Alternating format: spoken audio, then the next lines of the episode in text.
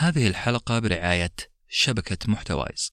شبكة محتوايز تقدم العديد من البودكاست المتنوعة ومنها بودكاست قصة اللي بيأخذنا في رحلة البحث عن الغرباء وقصصهم مثل قصة أختر الذي قطع الأميال من باكستان ب 25 ريال فقط. الرابط في الأسفل. والآن خلونا نبدأ حلقتنا عن فن العطاء الحلقة الثالثة. مرحبا. هذا ساندويتش ورقي.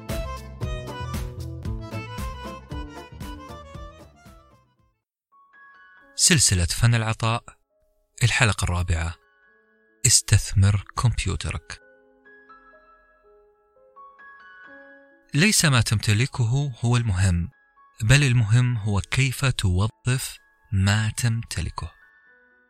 عبارة أعجبتني من مؤلفة كتاب كيف تصبح سخيا كل يوم كتابنا اليوم. المؤلفة نيكول بولز. تقول لي ولكم مشكلتنا إننا ما نبدأ مشروعنا أو أي مشروع جديد إلا بشروط محكمة ومعجزة أحيانا.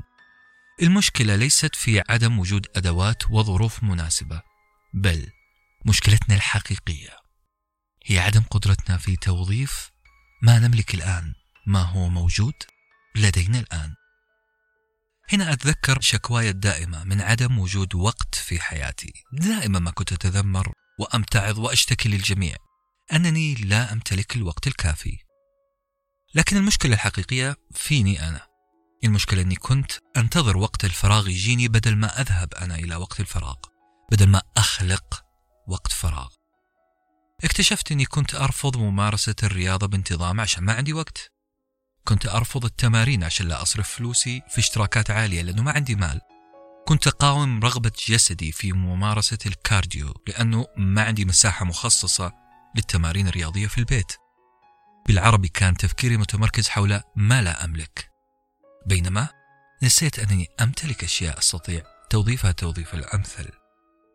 ملاحظين أني منعت نفسي من هرمون الدوبامين هرمون السعادة اللي يضخ مع ممارسة الرياضة.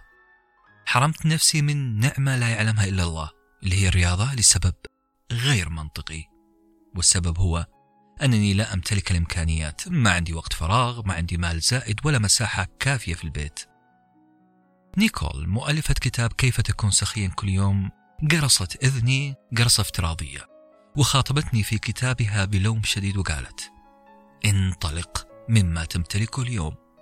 وهذا الكلام ما هو قرصة لإذني أنا فقط بل لكل إنسان يتعذر بعدم امتلاكه الأدوات المناسبة أو الظروف الملائمة. وظف إمكانياتك الحالية بشكل صحيح.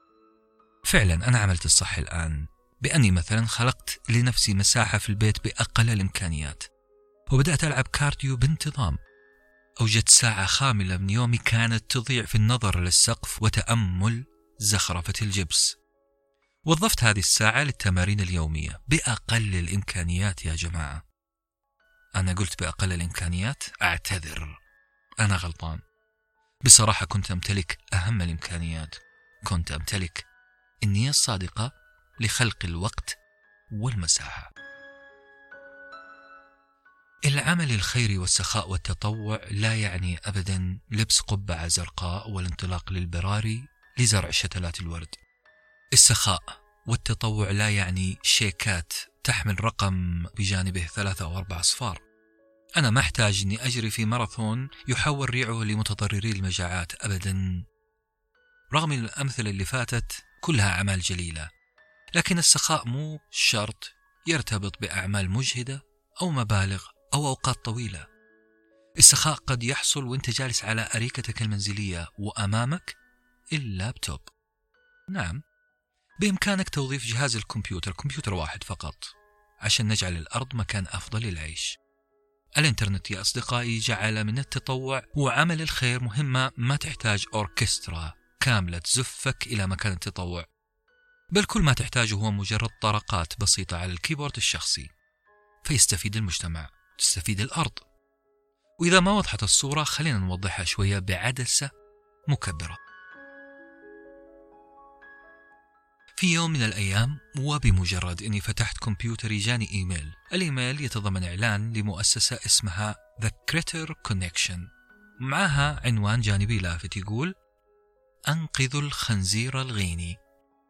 ردة فعلي أني مسحت عدسة النظارة بمنديل ورجعتها عشان أتأكد. فوجدت فعلا أنه في جمعية خيرية. هذه الجمعية مهتمة بإعادة الخنازير الغينية لبيئتها الطبيعية. وهنا صرخت سبحانك يا رب كيف تسخر ناس لناس؟ إيميل آخر أتذكره كان من جمعية أخرى مهمتها الاهتمام بطوال القامة من المراهقين. طوال القامة ونظرا لما يتعرضون له من تنمر وصعوبات في مجتمعاتهم الشباب طبعا كانوا يحتاجون لدعم نفسي وكانت الظاهرة تحتاج إلى تعريف. وطبعا جمعية زي هذه ما تستطيع أن تقول لها إلا يا سلام عارفين الأوقات اللي نتحلطم فيها ونقول ليه برا عندهم انتعاش في سوق العمل الخيري؟ انتعاش بمعنى اختراع أفكار غير تقليدية. سؤال منطقي مو كذا؟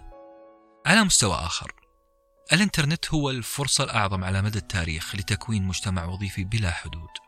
نعم عشت فترة من حياتي أحلم بنادي لغة إنجليزية. نادي أمارس فيه اللغة عشان أصلح الطلاقة والنطق. وطبعا كنت أتعذر بمحدودية المكان والإمكانيات والوقت وإنها هذه منعتني من تحقيق حلمي. على الأقل هذا الكلام كان قبل عام 2000 بعد عام 2000 لا الكلام اختلف. بعد عام 2000 ظهر برنامج اسمه البالتوك هذا البرنامج ساعدنا جميعا أن نجتمع كأفراد. هذول الأفراد يتجمعون في غرفة افتراضية على الإنترنت. تقمصنا فيها أدوار مندوبي الأمم المتحدة. كان كل واحد فينا يحاول أن يستثمر حصيلته اللغوية عشان نكون كلام منطوق. هذه المهارة اللي عجزنا طويلا عن تحسينها وتدريبها الآن صارت ملك يدينا. الآن البالتوك لا يعتبر من البرامج الضخمة بل من سقط المتاع إذا صح التعبير. طبعا مقارنة بالخدمات الأخرى في الإنترنت عام 2019 كل اللي حتصرفه الآن عشان تأسس مجتمع تدريبي مهاري وظيفي أو تطوعي هو بضعة سعرات حرارية يحتاجها إصبعك عشان تضغط ضغطة أو اثنين على الكيبورد. وهوب سيتكون لك النادي. عزيزي المستمع والمستمعة ساعات التصفح العشوائي على الإنترنت تقدر تدخرها أو تدخر منها على الأقل لحظات عشان تزور مواقع معينة. مجرد زيارتك لهذه المواقع وضغطة زر اللايك أو إبداء الإعجاب ستدر بالنفع على المجتمع على صاحب الخدمة المقدمة. على الظاهرة اللي أنت تحاول تدعمها أو تحاربها. الكتاب اقترح مواقع إنترنت كثيرة من هذا النوع لكن ما راح أذكرها لأسباب أترك لكم تخمينها. وفي هذه اللحظة أنا مضطر مضطر إني أتكلم عن ضرورة وجود جهة رسمية عشان تنسق هذه المبادرات عشان تختبر مدى جديتها مصداقيتها وأثرها على الناس. لأنه بكل صراحة مو كل شيء في الإنترنت جيد. مو كل الناس مبادراتها صادقة أو نواياها. جيدة لذلك وجود جهة رسمية إشرافية راح يسهل علينا خلق نوع من الثقة المتبادلة بيننا وبين مبادرات وجمعيات راح تترك أثر حقيقي على المجتمع. إحنا نحتاج محرك بحث عربي يستفيد من عمليات بحثنا ويتبرع بحصة من أرباحه لأعمال الخير. بهذه الطريقة في التفكير إحنا راح نبحر بعشوائية في الإنترنت ونقتنص جزء من عشوائيتنا ونوظفها بإيجابية في السخاء. وقبل أن نقفل موضوع استثمار الكمبيوتر في عمل الخير راح نقدم لكم هدية. الهدية عبارة عن مجموعة أفكار. أفكار عن مواقع على الإنترنت. هذه المواقع قد تلهمك وتلهمني وتلهم أي شخص سخي يريد تنظيم هذا السخاء بطريقة عصرية. إذا حبيت تقدم مبادرة مشابهة في مجتمعك ممكن تصمموا لنا هذه المواقع أو مواقع مشابهة زي الموقع لتعلم المفردات الإنجليزية. كل كلمة تتعلمها وتجاوب على السؤال الخاص فيها بشكل صحيح يتحول مبلغ مالي إلى جمعية خيرية. ملاحظين؟ أنه وقت تعلمك للغة الإنجليزية وإجابتك لأسئلة ستتحول already automatically إلى تبرع سخي. هذه حالة ما هي win win situation بل حالة تسمى بال all win الجميع يكسب. أنت صاحب الموقع الناس المتبرع لهم ومجتمعك ككل. موقع آخر خلينا نتخيل وجوده. موقع مثلا يقدم نصائح عن النظافة والتعقيم. يقوم على فكرة زي الويكي. الويكي بالمناسبة معناها بنك من النصائح والمعلومات عن النظافة. مين اللي يصنع هذا البنك؟ الزوار. الناس العاديين زينا. كل شخص يضع نصيحة متعلقة بالتعقيم والنظافة. وكل نصيحة تكتبها راح الموقع يتبرع بربع ريال مثلا. إلى جمعيات مختصة بالنظافة العامة. ملاحظين كيف ممكن تستثمر الإنترنت بمليون طريقة وطريقة عشان الكل يستفيد عشان تعطي بسخاء عشان تكون إنساني فعلا؟ هذا أكثر شيء عجبني في الكتاب مفهوم العطاء تنوع.